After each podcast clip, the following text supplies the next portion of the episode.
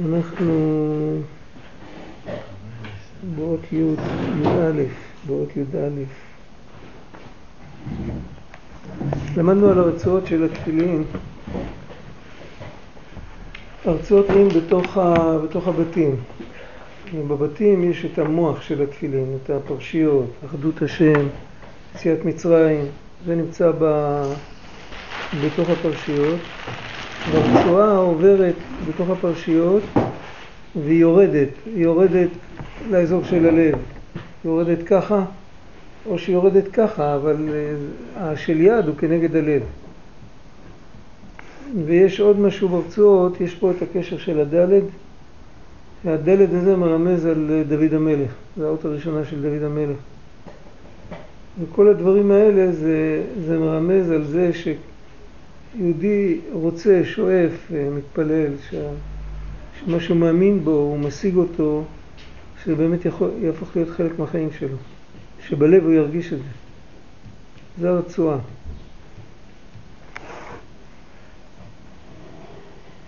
אם הוא ירגיש את זה, אז הוא, הוא יהיה לו, יהיה לו חיים טובים, חיים טובים, זאת אומרת חיים לא, לא כמו לא כמו אחד ש... אני הולך להגיד את זה. היה פעם מישהו שדרש, יש ב...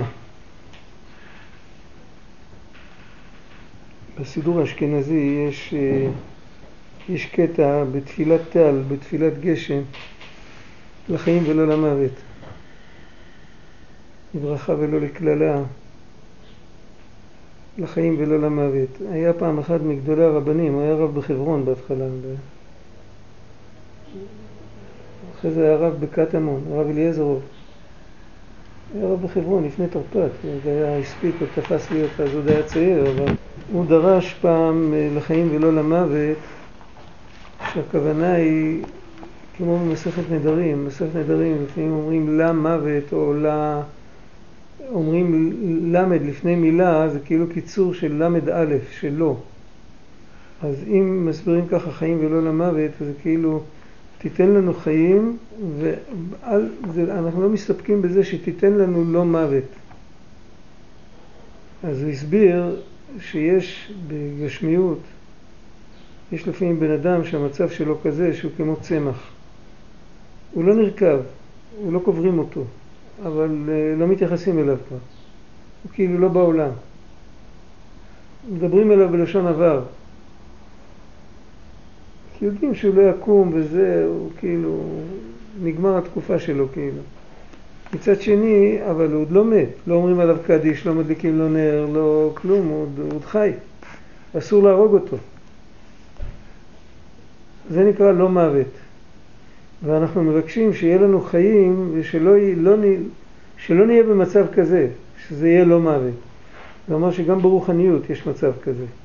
יש אחד כזה שהוא במקום המוות. זאת אומרת, הוא חוטא, הוא עושה עבירות, הוא עושה שטויות. הוא... במקום המוות. יש אחד כזה שהוא במקום החיים, הוא עובד את השם, הוא עושה מצוות, אבל הוא לא באמת חי. הוא... יש לו אמונה, הוא מאמין שהשם בורא אותו, הוא מאמין שהשם נתן לו תורה, אבל אין לו חיות. הוא לא חי, הוא עושה את הכל, הוא עושה את הכל אוטומטי. אה, הוא, הוא מבין עם השכל שאם הקדוש ברוך הוא לא יחיה אותו, הוא לא יחיה. הוא מבין את זה, אבל, והוא מרגיש שהוא חי, אבל הוא לא מרגיש שהחיים שלו הם חיים אלוקיים.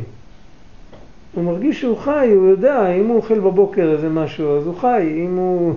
לוקחים לו את זה, אז הוא מתחיל למות. זה כל מה שהוא מרגיש. בשכל הוא מבין שזה הרבה יותר מזה. שהחיים שלו הם, הוא יהודי, זה חלק אלוקא ממעל, הוא מבין שיש איזו היסטוריה לנשמה שלו. זה שהיא פה והיא באה עכשיו, והיא לא באה קודם ולא באה אחר כך. ושהוא פוגש אנשים כאלה וכאלה ומזדמן לו לעשות את המצוות האלה ושהוא בארץ ישראל. זה הכל דברים, הוא מבין שזה לא סתם, זה לא פשוט.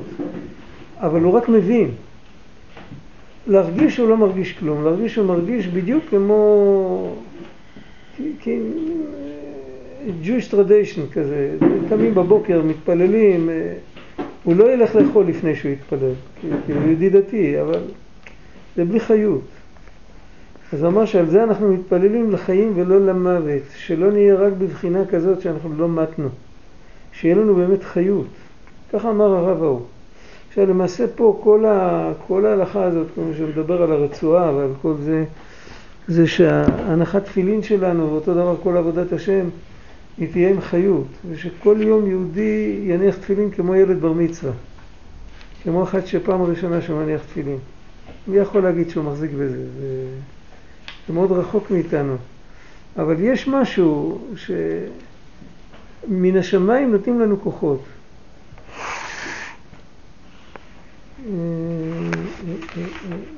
זה י' י"ב, אז איפה י"א?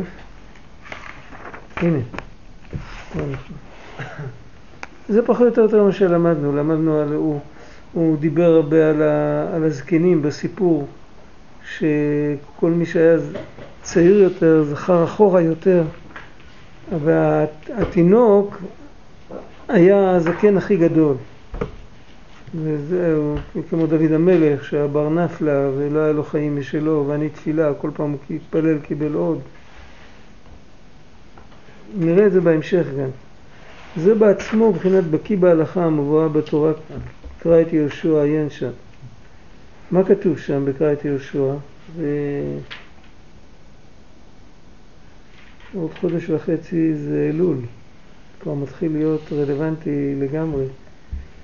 שכל מי שרוצה לעשות תשובה צריך להיות בקיא בהלכה, בקיא ברצו, בקיא בשוב, בקיא בעיל, בקיא בנפיק. מבחינת אם אשק שמיים שמעת שאול הינקה, עיין שם.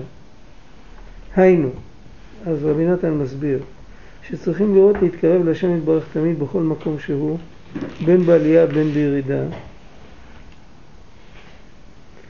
אפילו אם הוא בשאול תחתיות, גם משם יכול להתקרב אליו יתברך. בבחינת להציע שאול הינקה. וכל זה הוא בחינת עריכת אפיים הנ"ל. קודם כל רבי נתן מוציא מאיתנו את ההתניה, יש לנו הרבה פעמים שאומרים, איך אומרים, אני יודע, כשאני אזרוק את הגרז, אני אתחיל לעבוד את השם. מה זה גרז? אה, גרז. גרס, גרס. גרס, גרס. זה ביידיש זה לא ביידיש, זה בגרמנית. השם ישמור.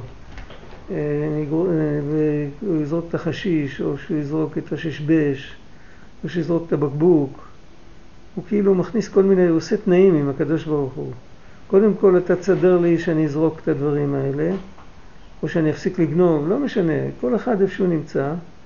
ואחר כך, אז אני אלך למקווה, אני אלבש בגדים חדשים, אני אלך לבית כנסת, אני אתן שיקה לפרוכת, אני אקנה גב, גבאי מקום, אני אזמין תפילין, אני אהיה...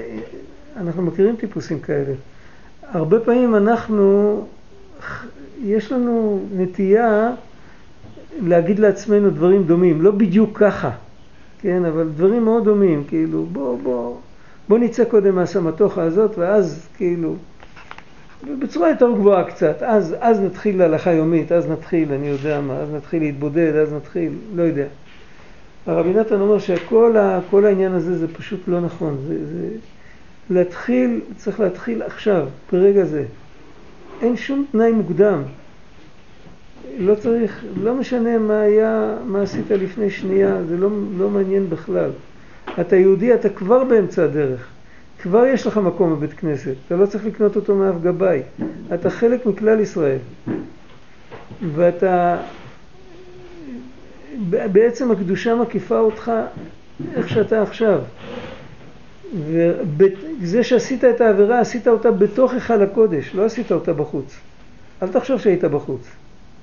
אתה עומד בבית המקדש, עלית לרגל, ושם אתה עושה שטויות. נו, אז מה אתה צריך? אתה לא צריך כלום, אתה צריך רק לדעת שאיפה אתה נמצא, אתה נמצא בבית המקדש. אז מישהו יגיד לו, זה... מישהו יגיד לו, אתה עושה מצוות, אנשים מלומדה. אם הוא, אם הוא ימשיך לגנוב, הוא ימשיך לעשות מצוות. הוא, הוא, הוא ימשיך לעשות מצוות, הוא ימשיך לגנוב, אבל הוא צריך לדעת שעכשיו הוא לא סתם ממשיך לעשות מצוות, אלא באותו רגע, מהרגע הוא מתחיל לעשות את המצוות בגלל שהוא עומד מול השם. הוא עכשיו באזהרה, כן? עכשיו יהודי תסגור עיניים, תחשוב שאתה עולה לרגל, או לא לרגל, אתה עולה ליום כיפור לבית המקדש, ועליך נאמר והכהנים, והעזרה, והכהנים והעם העומדים באזהרה, כשהיו שומעים שם המפורש יוצא, כולם קוראים ומשתחווים. כולם היו קוראים ומשתחווים, אתה היית נשאר לעמוד, היית אומר, אתמול עשיתי משהו לא הגון, אני לא יכול עכשיו, מה, אני שקרן, אני צבוע, אני... לא היית אומר ככה. כולם קוראים, היית קורא, אז אנחנו כל הזמן באזהרה, וכל הזמן אנחנו חלק מהעם הזה שנמצא באזהרה, אנחנו לא יכולים לצאת, אם השק שמיים שם אתה, והציע שאול הינקה. איפה שאנחנו נמצאים, אנחנו בכף ידו של הקדוש ברוך הוא. אז צריך להתחיל מאותו רגע, צריך להשתחוות. לפנות אליו. לפנות אליו, לדבר איתו. כל מה שאתה רוצה להגיד לעצמך, תגיד לא. אתה, מצד אנשים מלומדה, תגיד את זה להשם. באותו רגע שאתה מתלונן על זה שזה מצד אנשים מלומדה, זה כבר יפסיק להיות מצד אנשים מלומדה. הנה הרגע כבר התפללת תפילה אמיתית. וגם על החטאים, אז יש לנו אבא גדול שיכול להציל אותנו מהכל. בן אדם מלא חטאים, אז שיצעק, אבא, מה אני אעשה? חיות רעות אה, רודפות אחריי. האדמו"ר מפייסצנה כותב באחד מהספרים שלו, אני לא זוכר איפה, הוא כותב שיהודי צריך לראות את עצמו כמו בני ישראל שהלכו במדבר וענני הכבוד הקיפו אותם ומי שהיה חוטא, ענני הכבוד זרקו אותו החוצה ואז בחוץ לא הייתה, לא הייתה את ההגנה, ההגנה של ענני הכבוד ואז היו חיות רעות במדבר אז החיות רעות רודפות אחריו והוא רץ מהר כדי להיכנס חזרה לענני הכבוד. זאת אומרת, יהודי שרודפות אותו מחשבות או רצונות לחטוא, אז הוא צריך להתפלל, ריבונו של עולם, תפתח לי את ענני הכבוד שאני אכנס חזרה, אני, אין לי כבר כוח לרוץ, הם רצים יותר מהר ממני. אבל על כל פנים, מה זה אומר שאם גם מחוץ לענני הכבוד אני עדיין מתפלל להשם? אז זה אומר שאני תמיד בטריטוריה של הקדוש ברוך הוא, אני אף פעם לא ב... יהודי אף פעם לא שייך בעצם לקליפות. יהודי הוא לא קליפה. יהודי הוא תמיד חלק מהקדושה. אז אמר רב משה קרמר, אמר פעם, הוא אמר משל, מה המשל על זה? אז הוא אמר מישהו ייקח, כשמוצאים את הזהב באדמה, אז הוא מעורב עם כל מיני פסולת. אז שמים אותו באש ומטיחים אותו. וכשאתה מקבל את ה... כל, ה... כל הפסולת צפה למעלה, המשקל שלה יותר כמו שלקה בריתוך, כל, ה... כל הסיגים עולים למעלה ונשאר למטה, נשאר הברזל. אז אחר כך מורידים את הסיגים, נותנים כמה מכות ויש לך זהב טהור. עכשיו יש לך זהב טהור, נכון?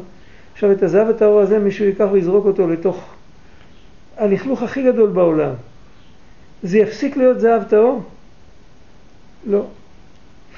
זה אמר, זה נשמות ישראל, הקדוש ברוך הוא הוציא אותם ממצרים, הוציא אותנו ממצרים, הוציא אותנו מכל הקליפות שנפלו שם בחטאו של אדם הראשון.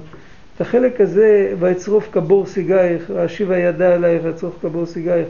הקדוש ברוך הוא הוציא את בני ישראל מכל הלכלוך שנדבק בהם, ואיך כתוב שם, קרבתנו מלכנו לעבודתך, ואעשה אתכם על כנפי נשרים ואקריב אתכם אליי. אז זה השלב שבו נהיינו זהב טהור. הנשמה היהודית היא נקייה לגמרי. אחר כך הבן אדם זורק אותה על הבוצים, החטאים שלו, אז, אה, אז צריך לחוץ את זה, אבל, אבל זה לא מפסיק להיות זהב טהור גם מתי שזה נמצא הכי למטה. ולכן יהודי יכול לעבוד, להתחיל לעבוד את השם מהרגע, הוא לא צריך שום הקדמה נוספת. מהרגע הוא עושה סיבוב, איך אמר הקוצקר, מה כרחוק מזרח למערב, הרחיק ממנו את פשענו. מה המרחק מזרח למערב? סיבוב אחד קטן. פה אם אתה פנים למזרח, פה אתה פנים למערב. סיבוב אחד קטן, אתה עם הפנים לקדוש ברוך הוא, זה מה שדורשים מאיתנו. היינו שצריכים לראות להתקרב להשם יתברך תמיד בכל מקום שהוא, בין בעלייה בין בירידה, ואפילו בשאול תחתיות. גם משם יכול להתקרב אליו יתברך, מבחינת להציע שאול הינקה. חסידים אמרו והציע שאול בלשון הצעת המיטה. הבן אדם כבר קבע את עצמו שם, כבר סידר לעצמו מצעים. הוא הולך לנוח. אפילו אם במצב הזה שהיה לו טוב בשאול, הוא גם יכול לצאת משם. וכל זה מבחינת עריכת אפיים הנ"ל. זה ערך אפיים של הקדוש ברוך הוא, ומי שערך אפיים בחיים שלו יכול לקבל כוח מערך אפיים של, של השם. להעריך רוחו תמיד כל ימי חייו, יהיה איך שיהיה, לא ייפול משום דבר שבעולם, ויתחיל תמיד להתקרב אליו כנ"ל. וכן לא יעף ולא ייגע לעולם. אפילו אם זכה לעלייה גדולה, למדרגה גבוהה, אף על פי כן ידע שגם בשמיים נמצא השם יתברך, בבחינת אם אשק שמיים שם מטה. יש כאלה שמתי שהם בשמיים, שמיים זה כינוי להשגות עליונות. כשמגיעים להשגות עליונות, מגיעים באמת להשגות עליונות, וזה, וגם גם מתיישב להם בלב, זה לא סתם אה, חמור נושא ספרים, באמת, יהודים צדיקים. אבל יש נטייה, אדם, היות שהוא אדם, הוא מורכב מארבע יסודות גשמיים, גשמיות זה דבר שאוהב לנוח. ראיתם פעם אבן יוצאת לטיול? אבן אוהבת לשכב במקום, עד שלא מישהו עם, עם, עם חיות יזיז אותה, אז הוא תמיד נשאר במקום שלו. היות שהאדם יש לו, הוא מורכב מדלת יסודות גשמיים, אז יש לו נטייה לעשות במקום דרוך, כאילו, להישאר, לנוח, ל, ל, כאילו... התאמצנו כל כך הרבה, הנה עכשיו הגיע סוף הדרך, תשבו מתחת לעץ, אקחה פת לחם, סעדו לבכם, תנוחו. ובן אדם יכול, ואין, צדיקים אין להם מנוחה. ילכו מחיל אל חיל. הברכה הכי טובה שאומרים בן אדם שלא יהיה לך מנוחה, שתמיד תמשיך להתקדם. לא, לא עם לחץ, לא עם עצבים, אבל, אבל באופן טוב. תמשיך לנשום. זה מילימטר מה... השלב הקודם. זאת אומרת, זה ברגע שבן אדם אה, הבין שהוא למטה והוא עובד על עצמו, אז ועוד שנייה הוא עבד על עצמו, אז הוא כבר עכשיו בשלב השני, שלא יגידו ברוך השם, התגברתי עכשיו על הדבר הזה, אני ברוך השם. עכשיו אני הולך לישון. כן, מילימטר מעל. נכון. אז צריך לדעת שיש משהו בגוף שלנו שאף פעם לא שובת. שזה דפיקו דליבה. הוא תמיד ברצו ושוב, ואם הוא שובת אז אנחנו מתים. והדפיקו דליבה האמיתי זה הרצו ושוב, שהשכינה נקראת לב, ליבם של ישראל, וכל היהודים זה האיברים, וצריך להיות רצו ושוב כל הזמן. שאף על פי שנדמה לו שעלה לשמיים, נדמה לו, עדיין הוא צריך לבקש את השם יתברך להתחיל מחדש. כי גם בשמיים נמצא השם יתברך. כאילו גם כשאתה בשמיים השם יתברך הוא עדיין אלוקים והוא עדיין אינסופי ועדיין לא התחלת. כמו שכתב רבנו בתורה כי תצא למלחמה וכולי, שכל זה הוא מבחינת עריכת אפיים הנ"ל שזוכין על ידי מצוות תפילין כנ"ל. ועל זה הוא דיבר באריכות והוא עוד יחזור לזה עוד פעם. וזהו מבחינת מעברתא, מבחינת מעבר יבוק. מעבר יבוק בחומש זה הגבול, בעצם יש נחל שנקרא יבוק, שמצד אחד זה ארץ ישראל, מצד אחד זה ארם נהריים, זה כאילו, זה הטריטוריה של לבן. יעקב, כשהוא חזר מלבן ליצחק אביו, הוא עבר את הנחל הזה, והמקום שהוא עבר את הנחל נקרא מעבר יבוק. יש עוד מושג של מעבר יבוק, יש ספר שנקרא מעבר יבוק, שם יש את כל הדינים של גוסס, השכיב מרע וה... וידויים שאומרים איתו, ההכנה לקראת לעבור לעולם האחר, זה נמצא בתוך הספר מעבר יבוק, זה גם נקרא מעבר יבוק. ומה זה, מה, מה המילה יבוק? יבוק זה איכות ברכה וקדושה. זה ראשי תיבות, איכות ברכה וקדושה, זה גם גימטריה של שניים או שלוש שמות, שמות של השם יתברך. אלוקים והוויה, או א' כי' כ' ואדנות ומה עוד, אני לא זוכר שם. על כל פנים, אז דיברנו על זה הרבה. המעבר יבוק זה לחבר, מעבר בנהר זה לא מפריד, זה מחבר. הנהר מפריד והמעבר הוא מקום שבו אפשר בקלות לעבור את הנהר ולהתחבר. אז מה, זה, מה מתחברים? מחברים את הברכה עם הקדושה. הברכה זה השכינתה והקדושה זה קודשא בריחו. הברכה זה מה שנמשך למטה, מה שהתלבש בדרך הטבע. הכוחות שלנו זה הברכה. הקדושה זה תמיד מה שאנחנו לא משיגים, מה שיש מעל ומעבר. ייחוד ברכה וקדושה זה, קודם כל, השלב הראשון זה אמונה פשוטה, שהקדוש ברוך הוא נמצא למטה כמו למעלה,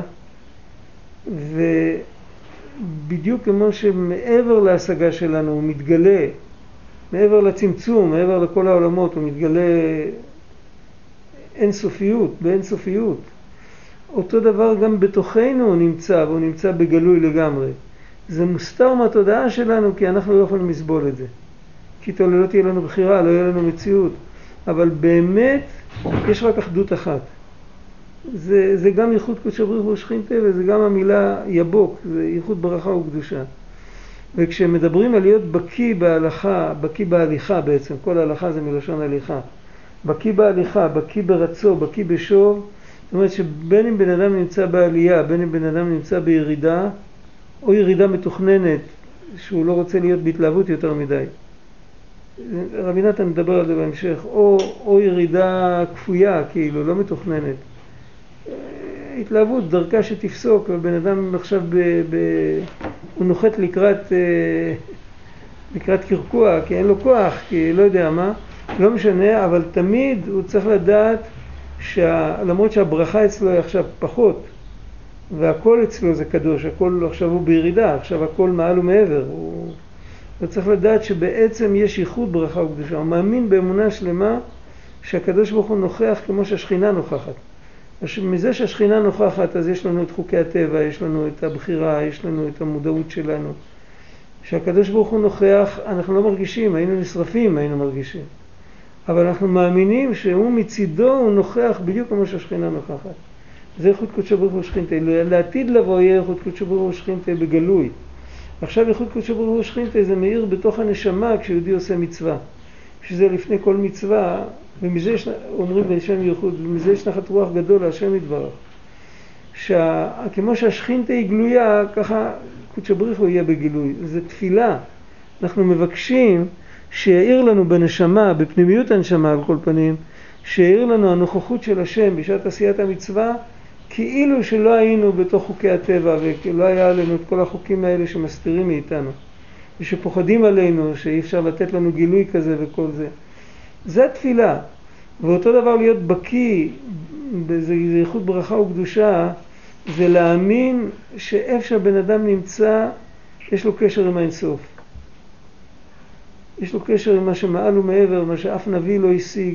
לנביא גם היה קשר לשם, אבל לא בבחינת השגה. וכל יהודי קשור לקדוש ברוך הוא לגמרי, עד הסוף. זה ייחוד ברכה וקדושה. לא להפריד בין הברכה והקדושה. וצריך להיות בקיא בזה. והנפקמינה של זה שתמיד אפשר להתקדם עוד ואף פעם אי אפשר, אף פעם אסור להישאר, איך אומרים, אה, הסגנון איך שהם אמרו את זה, הם אמרו תמיד, אה, לא להיעצר במדרגה העליונה ביותר ולא ליפול ברוחנו במדרגה התחתונה ביותר. להחזיק, זה, זה איכות ברכה וקדושה. הירידה המתוכננת זה לא סותר את האם עסק שמיים שמתה? לא, לא, יש ירידה מתוכננת שלהפך, הוא כותב בהמשך, הוא, אם אני זוכר נכון זה בהלכה הזאת, אני כבר מתבלבל איפה ראיתי דברים, זה, אבל הוא כותב שיש עוד פירוש, ב, בדרך כלל הפירוש הרגיל שבקיא ברצו, זה שהוא ידע שצריך להמשיך. אבל הוא כותב, ככה מסבירים תמיד, בלוקותי מהר"ן מסבירים גם ככה, אבל זה כתוב פה בלוקותי הלכות. שיש בחינה של בקיא ברצו, להיות בקיא, לא להיות ברצו יותר מדי. לא להישרף. נכון. כן, לא להיות אה, הציץ ונפגע, הציץ ומת. להיות, צריך להיות ברצו ושוב, ולא, אם בן אדם מרגיש שזה גדול עליו, אז הוא צריך להוריד את עצמו, צריך לקחת משהו אחר. אבל לא... זה רצון, זה רצון, איך אתה מגביל רצון? זאת אומרת, בפעולה בסדר, אבל רצון לא, להגביל... לא, אבל אפשר לצאת מה... יש סיפור, זה סיפור, אה, זה סיפור שקשה להבין אותו, יש סיפור על רבי אברהם המלאך הקדוש, היה בנו של המגיד. הוא היה חברותא עם בעל התניא. כשבעל התניא היה תלמיד אצל המגיד, הם היו חברותא. פעם אחת הם עשו אגו עוגה כמו חוני המעגל, והם נעמדו שניהם בהתבוננות עמוקה ו... ובעל התניא ראה שרבי אברהם הולך להיגמר מכלות הנפש. אז הוא קפץ החוצה מהעיגול ומשך אותו החוצה ונתן לו משהו לאכול. ואחר כך הוא כל ימיו הודה לו, הוא לא האריך ימים הרבה. הוא אמר לו שאם הוא לא היה עושה לו את הפעולה הזאת, לא היה מושך אותו החוצה ונותן לו משהו לאכול, הוא היה מת שם, הוא לא היה יוצא מהעיגול הזה. זה סיפור. סיפור אמיתי, אני חושב שזה כתוב בבית רבי, ב... יש ספר ישן מלפני כמה דורות, ש... נדמה לי ששם המקור של הסיפור הזה. אנחנו לא מבינים דברים כאלה, אבל יש לפעמים שצריך להיות נכנס בשלום, צריך לדעת, בפרט אם עושים דבר כזה לבד, להיכנס עם החלטה ברורה שאני על משמרתי אעמודה ואני לא יוצא מהעולם לפני שהקדוש ברוך הוא לוקח אותי. אין דבר כזה לברוח לבד, זה עריקות. מה זה לבד? הוא, עשה משהו והקדוש ברוך הוא לקח אותו. לא, זה לא זה. זה בן אדם שהוא, זה, יש כאן איזו יוזמה מצידו. הוא נכנס יותר מדי לפרופורציה. אתה יודע מה זה פרופורציה? הוא יותר מדי רואה עד כמה המקום שבו הוא נמצא הוא מקום שלא כדאי להיות בו. וכמה המקום שאליו הוא שואף, כשזה יותר מדי, אז הוא פשוט, פשוט נגמר. והוא היה יכול למנוע את זה אם הוא לא היה חושב ככה. באופן כללי זה צריך להיות המחשבה הזאת, כן. אבל אסור לה להיות אינטנסיבית יותר מדי. ברגע שזה אינטנסיבי יותר מדי, אז זה מסוכן. ומה זה ירידה מתוכננת? אם אני מבין, אז זה רצון מתוכנן, מה זה ירידה מתוכננת? לא, אז, אז הרצון הזה, אם זה, אם הרצון מתוכנן, אה, אז, אז, אז, אז בשלב מסוים, זה כאילו, זה עצמו, ההחלטה הקודמת מתחילה להוריד אותו. כאילו נדלק לו נורה אדומה שאסור להמשיך. זה כמו שרואים את להט החרב המתהפכת, כמו שאומרים, עד פה תבוא, אל תלך הלאה.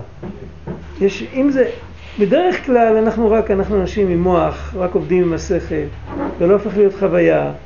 אז תמיד אומרים תתקדם הלאה, תתקדם הלאה, אבל ברגע שזה הופך להיות חוויה, אם יגידו לבן אדם כל החיים תתקדם הלאה, אז זה, זה, זה, לא שייך.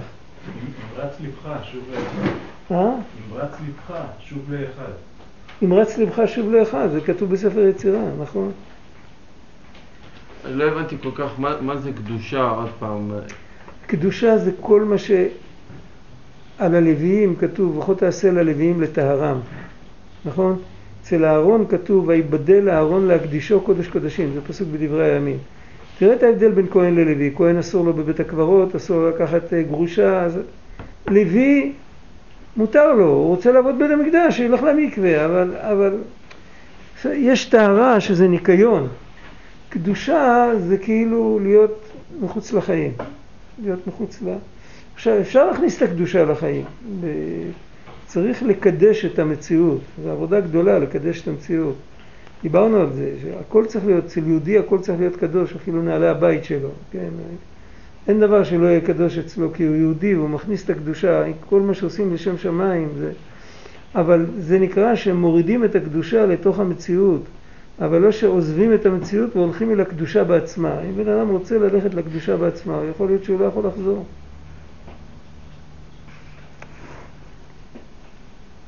זה מורמז בכמה מקומות, אתה דיברת בהתנהגות אפשר, אבל אה, גם בהתנהגות יש לפעמים שבן אדם מקדש את עצמו שלא במקום, אז הוא צריך להביא אחר כך קורבן חטאת. לא דייך במה שאסרה התורה. זה ריבוי אור, לא? זה סוג של ריבוי אור, כן. אה, זה אבא, זה הרצון? זה רצו יותר מדי, אסור להיות ברצו בלי שור. יכול לקדש את עצמי יותר מדי? אסור, בפועל, בפועל אם מוותרים על משהו זה לא מסוכן, זה לא, לא יקרה לנו כלום. אבל אם בן אדם לוקח את עצמו לגמרי להיכנס למקום כזה כל הזמן, והוא לא נח, והוא לא... זה יכול לגמור אותו. רבי אברהם כותב בביאור הליקוטים שיצר הרע מתלבש במצוות זה ריבוי אור. כן. ככה הוא כותב. אבל איזה חלק זה זה שאומר, רגע, אני, אני יותר מדי. זה לא הבקיא ברצון, זה לא הבקיא בשוב, מאיפה זה מגיע? זה מגיע מזה שבן אדם זכה שהוא, זה, זה הרצון של הקדוש ברוך הוא. מה הפגם ב, ב, ברצו בלי שוב? הפגם הוא שהוא מחפש את הנאה של עצמו. הוא לא עבד של השם, הוא רוצה להיות רק בן, לא עבד. אני מתגעגע לאבא עכשיו, אבא שם אותך עכשיו פה בבונקר, נותן לך משקפת, אמר לך להסתכל מעבר לגבול. אני רוצה עכשיו לראות את האבא, לא רוצה לראות קצין ירדני שם, זה לא מעניין אותי. זה לא מעניין עכשיו מה אתה רוצה, עכשיו מעניין מה אבא רוצה. אז זהו, הבן אדם שזוכה שמעניין אותו מה שהאבא רוצה, ברגע שזה מגיע למקום כזה, אז יש משהו שמעורר אותו. זה ברור. אז בן אדם צריך לדעת, על זה צריך להתפלל הרבה. הנקודה הזאת שאנחנו, זה מה שאנחנו אומרים, לעשות, לעשות נחת רוח ליוצרנו, לעשות רצון בורנו, למה הכניסו את זה? כל אחד יודע שמצווה זה. אז זה גם אמירה שלא ללכת להיות מתלהב יותר מדי. כי לא זה מה שהקדוש ברוך הוא רוצה מאיתנו. הקדוש ברוך הוא רוצה יהודים פה עד 120 שנה ואחר כך לקחת אותם, אבל לא, לא שאברך בן 30 פתאום יעלה בכלות הנפש. טוב, אבל צריך להתחיל להתקדם קצת, מה, אנחנו תקועים. נכון, אבל בגלל שהשם רוצה, לא בגלל שאני תקוע וזה לא טוב להיות תקוע ואני רוצה להתקדם. זה לא, זה לא יסוד שאפשר לבנות עליו. היסוד אני רוצה להתקדם כי השם רוצה שאני אהיה מקודם. לא בגלל שאני רוצה. אם זה בגלל שאני רוצה, אני יכול ליפול אחר כך לכל מיני מקומות לא טובים. אבל למה שהזיכרון הזה יעצור אותו מריבוי אור? אז זה, זה כי, כי, כי הוא מרגיש עמוק שהשם לא רוצה את זה. אני מרגיש נפלא, אבל אני יודע שאסור לי להיכנס לפה. השם לא רוצה שאני ארגיש נפלא. הלא צבא לאנוש עלי ארץ, וכי ימי שכיר ימיו. אם עכשיו אני מרגיש כל כך נפלא, ו, ואני יודע שאני יכול, יכול להישאר שם, אז מיד עולה לי בראש, רגע, השם רוצה את זה?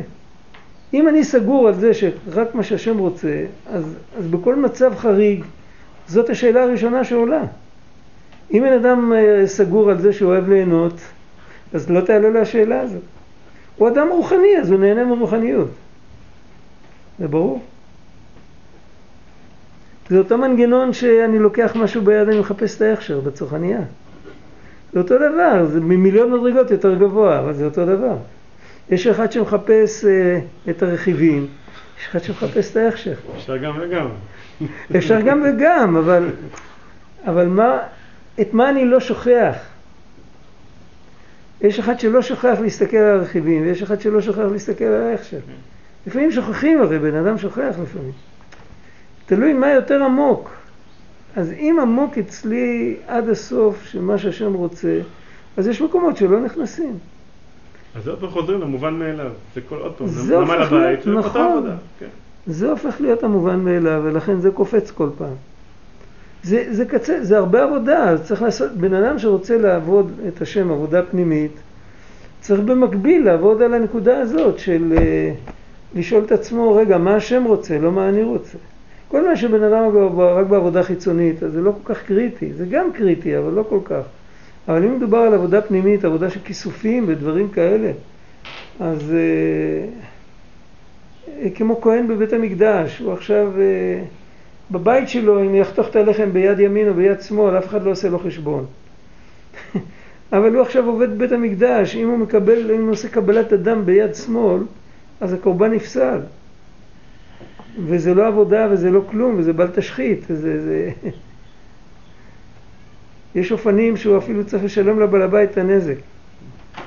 במקום, במקום לקבל שכר הוא מקבל עונש. כי זה צריך להיות כמו שהשם רוצה, לא כמו שאנחנו... הוא העיר לו שהוא צריך עכשיו לקדש את צד שמאל. העיר לו איזו הערה גדולה. אז הוא, הוא לא טעה, העיר לו, הוא, הוא הבין עכשיו ככה. שמאל זה לעלות יותר מדי, זה שמאל. עלייה, ימין זה, זה ירידת השפע, שמאל זה עלייה והסתמקות.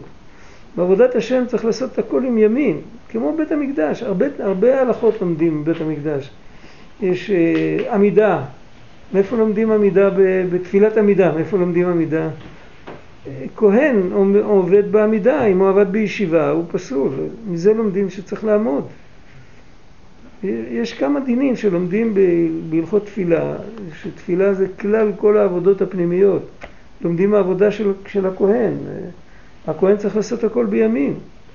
חוץ מכמה דברים יוצאים מן הכלל שצריך לשתף שני ידיים או משהו, אבל בדרך כלל, אז אה, אם אי אפשר להסתדר עם ימין, לוקחים עוד כהנים.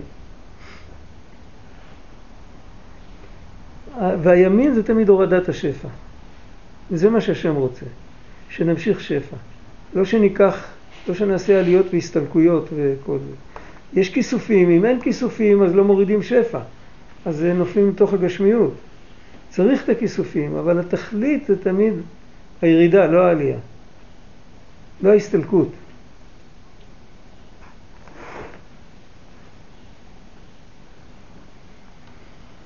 וכמו שכתב רבנו ז"ל, שם רבנו ז"ל בעצמו, שבחינת בקיא הנ"ל הוא בחינת יבוק. אין שם בסוף. וגם יבוק בגימטריה הוואי האלוקים, בבחינת בשם מעלל דבר, באלוקים מעלל דבר, כנ"ל, היינו בין במידת הרחמים, בין במידת הדין, בין בטיב ובין בעכו, בין בעלייה, בין בירידה, תמיד צריכים לעבוד את השם יתברך. זה הנקודה. אדם שעובד את עצמו מאבד מהר מצב רוח. לא הולך לו. לא הולך לו העבודה שלו, לא הולך לו. אדם שעובד את השם יתברך לא מאבד אף פעם מצב רוח. לא הלך לו אתמול, ילך לו מחר. זה לא משנה. אבל תמיד יש לו מה לעשות, תמיד.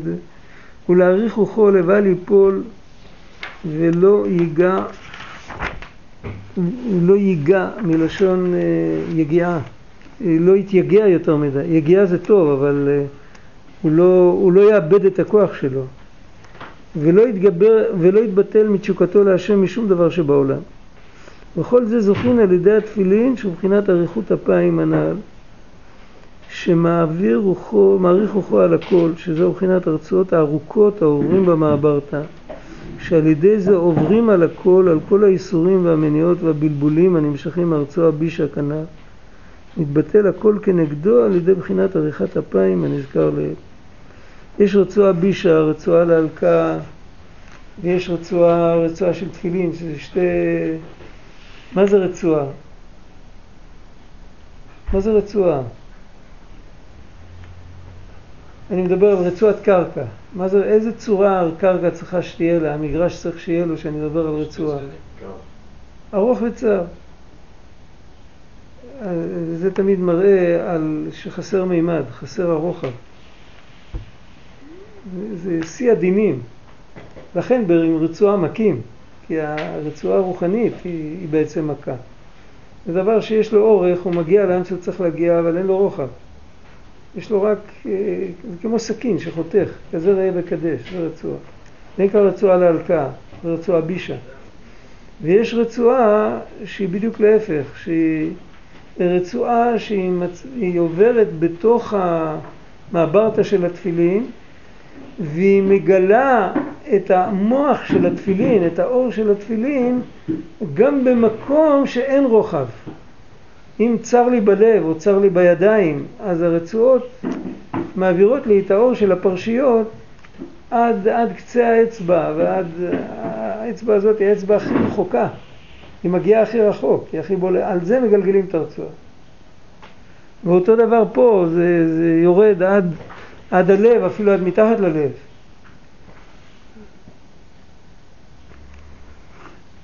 זה הרצועה שמסלקת את הרצועה בישה.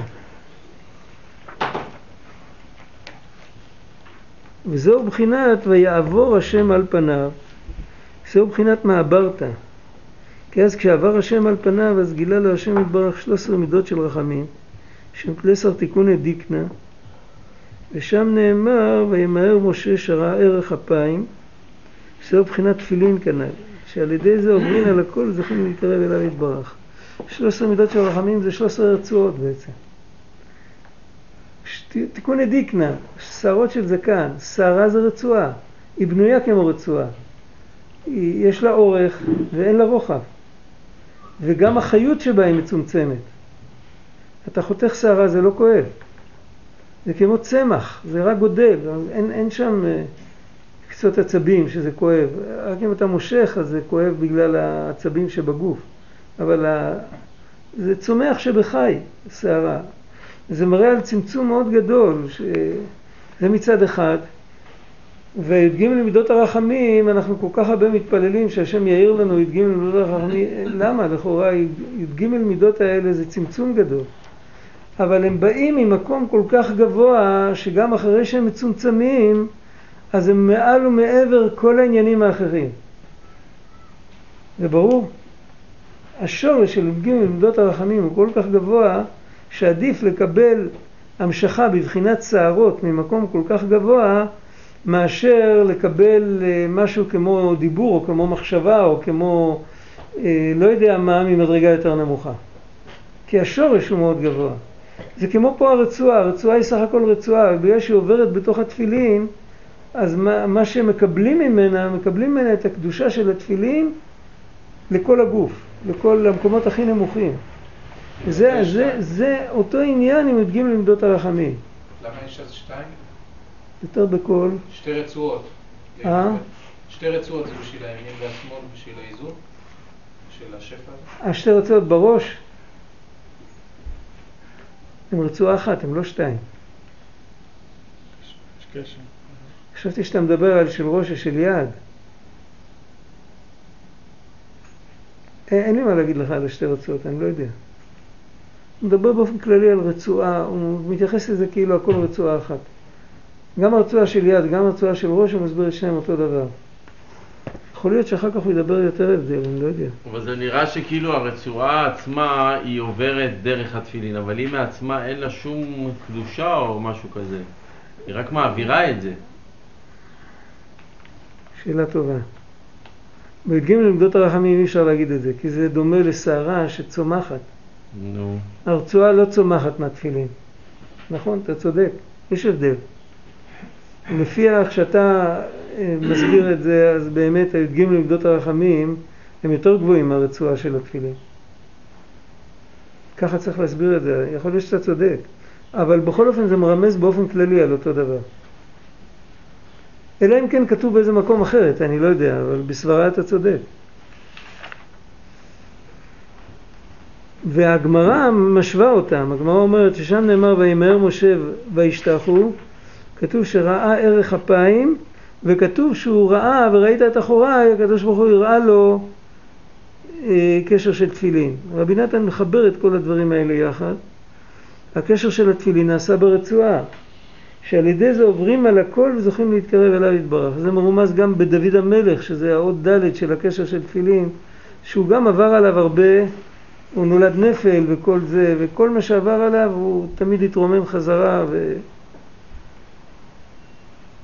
זה מבחינת מה עברת, מבחינת ויעבור כנ"ל. כי אז כשעבר השם על פניו וגילה לו 13 מידות של רחמים שהם תלסר תיקוני דיקנה, אז גילה לו בחינת אור התפילין, כמו שכתוב שם בפרשה הזאת, אני אעביר כל טובי וראית את אחוריי, ודרשו רבותינו זה על זה קשר של תפילין. כי עיקר התפילין נמשכים משם מבחינת תיקוני דיקנה, שהם 13 מידות הנ"ל שמבחינת ערך אפיים הנ"ל. אז צריך להסביר פה, הערך אפיים יש לו משמעות כפולה, יש ערך אפיים מהקדוש ברוך הוא אלינו, יש ערך אפיים מאיתנו אליו. הוא יש לו סבלנות אלינו, זאת אומרת שכמה שאנחנו, עין ואפס זה, זה לא מילה. יש בחב"ד כתוב פעם, למה כתוב בזוהר כולה קמא כלא חשיב? בגלל שהמילה לא זה רק משל על כמה שהעולם הוא לא כלפי הקדוש ברוך הוא. רק כלא. אבל לא זה לכאורה השלילה הכי, הכי טוטאלית שיכול להיות.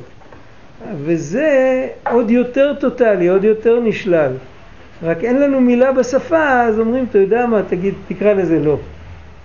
אבל בעצם זה עוד הרבה יותר. זאת אומרת, האין ארוך, אין ארוך לך ואין זולתך, האין ארוך שאנחנו אומרים בתפילת שבת, זה אין ארוך לגמרי, לגמרי, לגמרי, עד הסוף. והקדוש ברוך הוא מטפל בנו ומשגיח על כל אחד ומתעניין בכל אחד. זה דבר שהוא לא נתפס, אבל להגיד שהוא לא נתפס זה גם כן, אה, זה, זה, זה מילה לא מתאימה. אי אפשר אפילו להגיד שאי אפשר לתפוס את זה. לא שייך לתפוס את זה בכלל. זה, זה ערך אפיים מצידו. ויש את הערך אפיים מצידנו, שאנחנו, יש לנו סבלנות עם עצמנו. זאת אומרת, בתוכנו יש גם כן שני מצבים.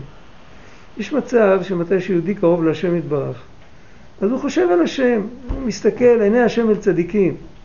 כתוב בליקוטי מהר"ן, הקדוש ברוך הוא נותן לצדיק את העיניים של השם. איך צדיק מסתכל על העולם? הוא מסתכל כמו שהשם מסתכל על העולם. ההסתכלות שלו מתחילה מזה שהוא לבדו ואין זולתו, והוא אינסופי, ו... והוא עשה צמצום נורא נורא גדול, והוא הוריד איזה קו אחד קטן, ומזה יש את כל העולמות, והקיצר, עד שהוא נזכר שיש מציאות של העולם הזה, שבתוך העולם הזה יש מציאות של כדור הארץ, ובכדור הארץ יש מציאות של איזה, של איזה מקום שיש שם אנשים, ו... אז זה נמצא כאילו באיזה מקום, כאילו, אתה מדבר על איזה דבר הזוי שהוא לא שייך בכלל, כן?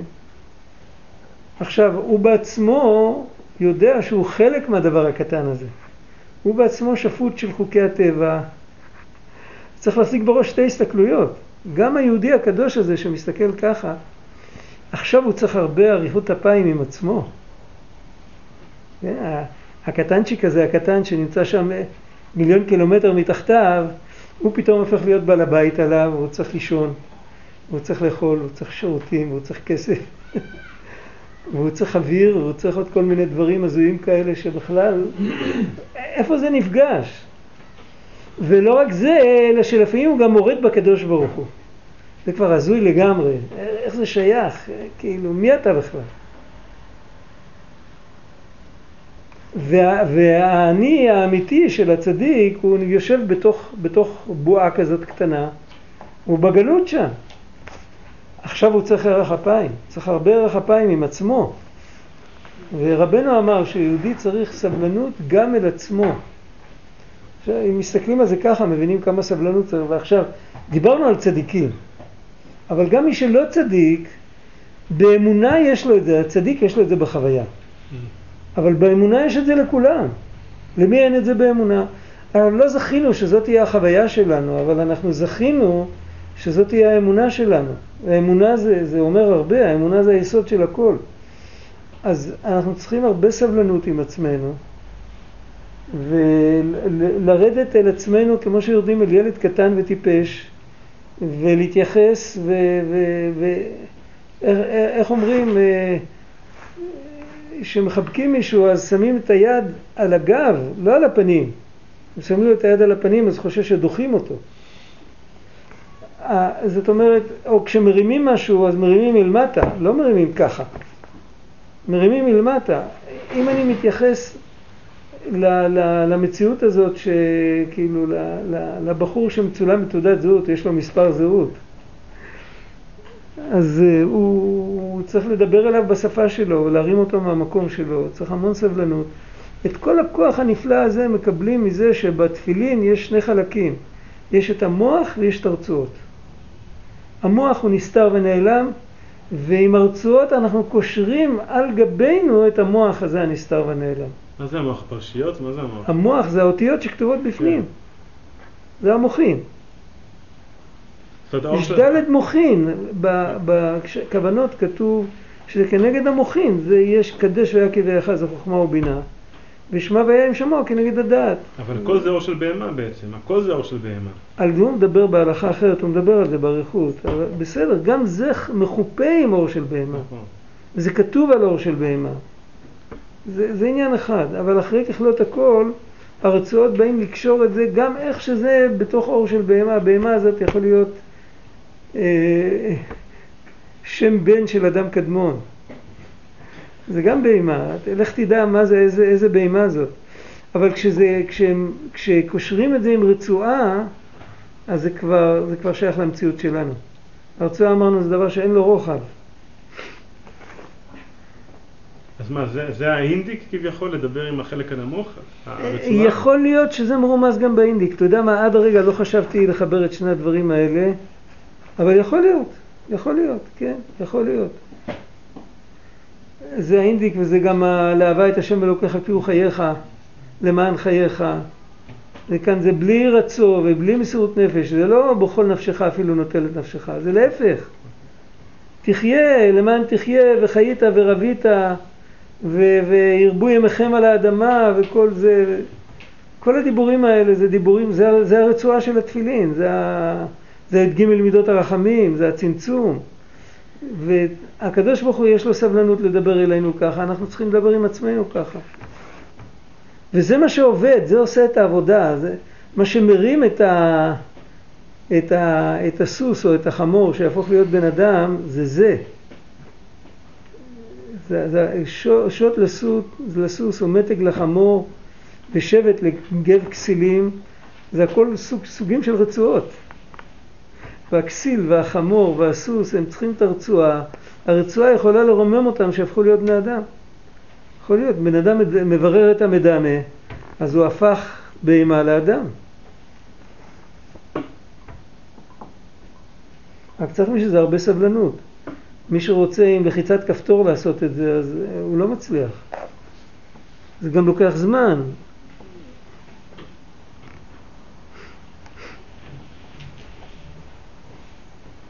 זה בחינת מעברת, בחינת ויעבור כנ"ל, כי אז כשעבר השם על פניו וגילה לו 13 מידות של רחמים, שהם תלייסר תיקוני דיקנה, הוא גילה לו גילוי נפלא, אבל יחסית לשורש זה 13 שערות סך הכל. אז גילה לו בחינת אור התפילין. כמו שכתוב שם בפרשה הזאת, אני אעביר כל טובי וראית את אחוריי ודרשו רבותינו ז"ל, זה קשר של תפילין. זאת אומרת ההתגלות שהיה למשה רבנו אחרי חטא העגל, שהקדוש ברוך הוא אמר לו סל...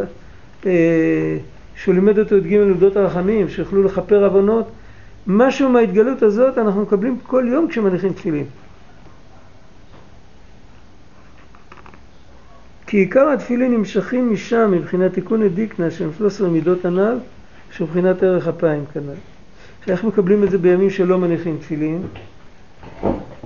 אז זה כמו שכתוב על יום כיפור עיצומו של יום מכפר, יש בחינה שנמשך עצם הקדושה של היום, ממשיכה את אותו דבר שהתפילין, אף פעם לא חסר ליהודי האור של התפילין. יהודי מניח תפילין כל יום, אבל בכל המועד, בשבת ובחג, כשהוא לא מניח תפילין, אז נמשך לו האור בלי להניח, הוא לא צריך, זה נמשך מלמעלה. אבל, אבל, אבל תמיד יש לו את זה. ועיקר אריכות אפיים זוכים על ידי ארץ ישראל. ארץ ישראל זה משהו עוד הרבה יותר מהרצועה. הרצועה זה מוריד מהראש לזה. ארץ ישראל זה מקום שאתה יכול להיכנס אליו עם מגפיים, עם המגפיים, כמו סוכה. כאילו כל המציאות שלך היא שם. שהיא בחינת אמונה. הרוחניות זה האמונה, זאת אומרת האמונה יכולה להקיף את האדם לא משנה איפה שהוא נמצא. הכוח של הרצל, הכוח של האמונה זה אותו כוח. כמו שכתוב שם בתורה הנ"ל על פסוק וימהר משה ויקוד ארצה כשהוא ראה ערך אפיים אז הוא השתוקק להגיע לארץ ישראל ויקוד מלשון הוא בער יקוד אש פירוש נדיר הוא, הוא בער לארץ ישראל כשהוא ראה ערך אפיים בגלל שמשה רבנו הרגיש את הערך אפיים האמיתי אפשר לקבל רק בארץ ישראל מה הכוונה שארץ ישראל מבחינת אמונה? ארץ ישראל זה המלכות, זה, זה ה, כאילו, יש ארץ החיים שלמעלה וארץ החיים שלמטה. יש מושג ארץ החיים. ארץ החיים זה למעלה, זה השגות של הנשמות בגן עדן, זה, זה צמצום של המלכות. בלי הצמצום של המלכות הם לא יכולים להשיג שום דבר. אז ארץ החיים שלמעלה זה המלכות. ארץ החיים שלמטה זה ארץ ישראל כפשוטו. ארץ ישראל הגשמית, היא מכוונת כנגד ארץ ישראל שלמעלה. כמו שכתוב שבית המקדש שלמעלה מכוון כנגד בית המקדש שלמטה, אותו דבר. אה, יהודי יש לו יותר סיכוי שהאמונה תהיה אצלו דומיננטית וחיה אם הוא בארץ ישראל. ארץ החיים, שהאמונה תחיה אותו. גם ירמיהו הנביא, כשהוא דיבר אל בני ישראל, הוא רצה להוכיח אותם, אז מה הוא אמר להם? ארץ, ארץ, ארץ, שמי דבר השם. יש לפעמים שיש את הארץ, אבל לא שומעים את דבר השם. הארץ, האמונה זה כמו גן ואפו מחתת הרחמן הקריא. הוא גונב, הוא מתפלל שיצליח בלגנוב. אז זה, זה, זה לא ארץ החיים, זה ארץ בלי חיים. הארץ ישראל נקראת ארץ החיים, כתוב ברש"י בברכות, שם רש"י אומר את זה מצד מידת הדין. רש"י אומר בברכות שעיקר העניין שהקדוש ברוך הוא נוהג עם, אנש, עם בני אדם מידה כנגד מידה זה בארץ ישראל. אתם למה הקדוש ברוך הוא נוהג מידה כנגד מידה? כדי שבן אדם ידע על מה לחזור בתשובה.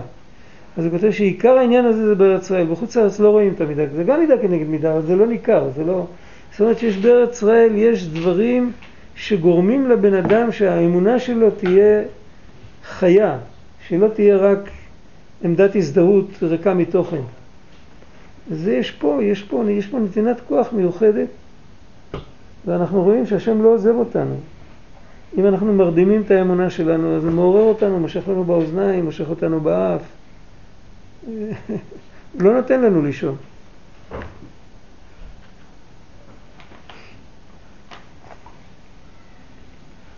וזהו בחינת תפילין, גם ארץ ישראל מרומזת בתפילין. כי פרשיות שבתפילין מדברים מארץ ישראל ואמונה. כי שתי, עיקר שתי פרשיות הראשונות הוא מעניין יציאת מצרים וביאת ארץ ישראל. זה קדש והיה כאביאך. כמו שכתוב שם, זכור את היום הזה אשר יצאתם ממצרים והיה כאביאך אל הארץ. לכן פרשה שנייה מתחילת והיה כאביאך השם אל ארץ הכנעני. כי עיקר התפילין הם מבחינת עריכת אפיים שזוכין על ידי ארץ ישראל כנ"ל. שהוא הפך מצרים שהיא מלאה גילולים ועבודה זרה, שהוא הפך אמונה, ועל כשהיו במצרים נאמר בהם ולא שמעו אל משה מקוצר רוח, שלא יכלו להתקרב לצדיק שהוא מבחינת משה ולשמוע אליו מחמת קוצר רוח שהוא הפך עריכת אפיים עליו. מבחינת המקום הגשמי שהם היו בגלל זה? בגלל? המקום הגשמי היה מקום שהתרחשו בו דברים רוחניים נוראיים. קליפה של מצרים הייתה קליפה, אחת הקליפות הקשות בעולם. יכול להיות אפילו מבחינת בין אדם למקום, זה היה המקום הכי קשה בעולם. אולי בין אדם לחברו הכנענים היו יותר מקולקלים, אבל בין אדם למקום יש משמעויות שכנענים היו יותר מקולקלים, יש משמעויות שהמצרים היו יותר מקולקלים. יכול להיות שזה ככה מתחלק, אני לא יודע, אבל על כל פנים זה לא פשוט. אה, הכפירה ויאמר לאל סור ממנו, כאילו לא להאמין שהקדוש ברוך הוא מנהיג את העולם. הם אמרו אלוקא דאלוקאיה, אבל מי השם אשר אשמע בקולו? מי השם? מה הוא צריך להגיד מי השם אשר... יש מישהו מעל כל האלילים וכל העניינים, אבל הוא לא מתערב. אתה מדבר על אחד כזה שהוא גם מעל והוא גם צריך לשמוע בקולו. זה הפך כל הקונספציה של פרעה, כל התפיסת עולם שלו היא קטלגה את זה, יש כאלה שהם מעל ומעבר, אבל הם לא אומרים מה לעשות, ויש כאלה שהם הם, הם, הם בגובה העיניים כמעט, אבל צריך להסתדר איתם. ואם לא, אז uh, מפטרים אותם. עבודה זרה זה, זה אליל שאתה יכול לפטר אותו. אתה בעצמך המצאת אותו, אז אתה יכול גם לפטר אותו. ובאמת, והם היו קצרי רוח. אם, אם האליל לא, לא נענה לדרישות שלהם, היו הולכים לעבוד אליל אחר. כן, זה כל העניין שם, זה, זה קוצר רוח. זה כאילו לעמוד עם סטופר ולבדוק.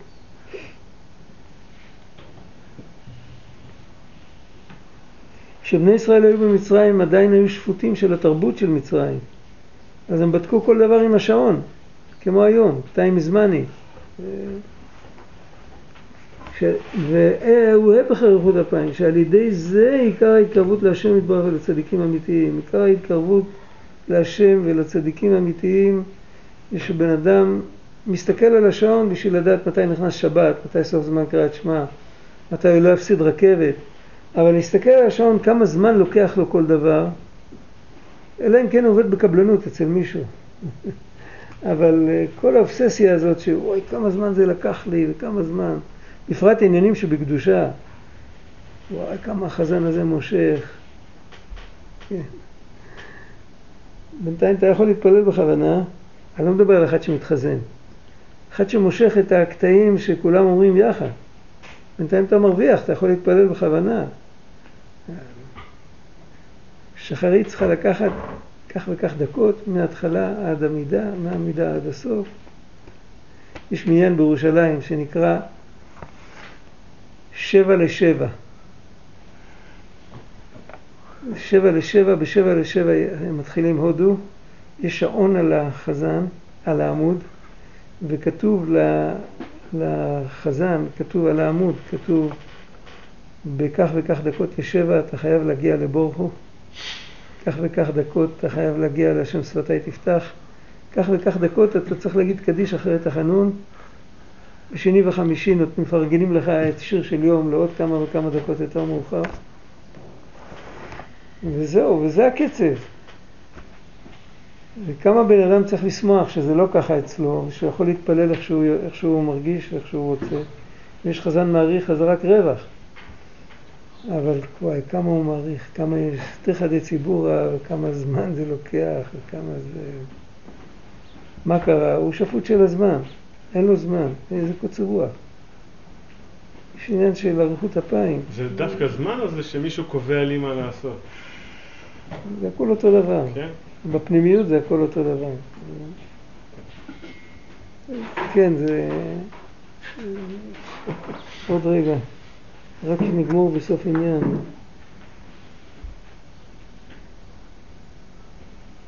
בשתי פרשיות השניות,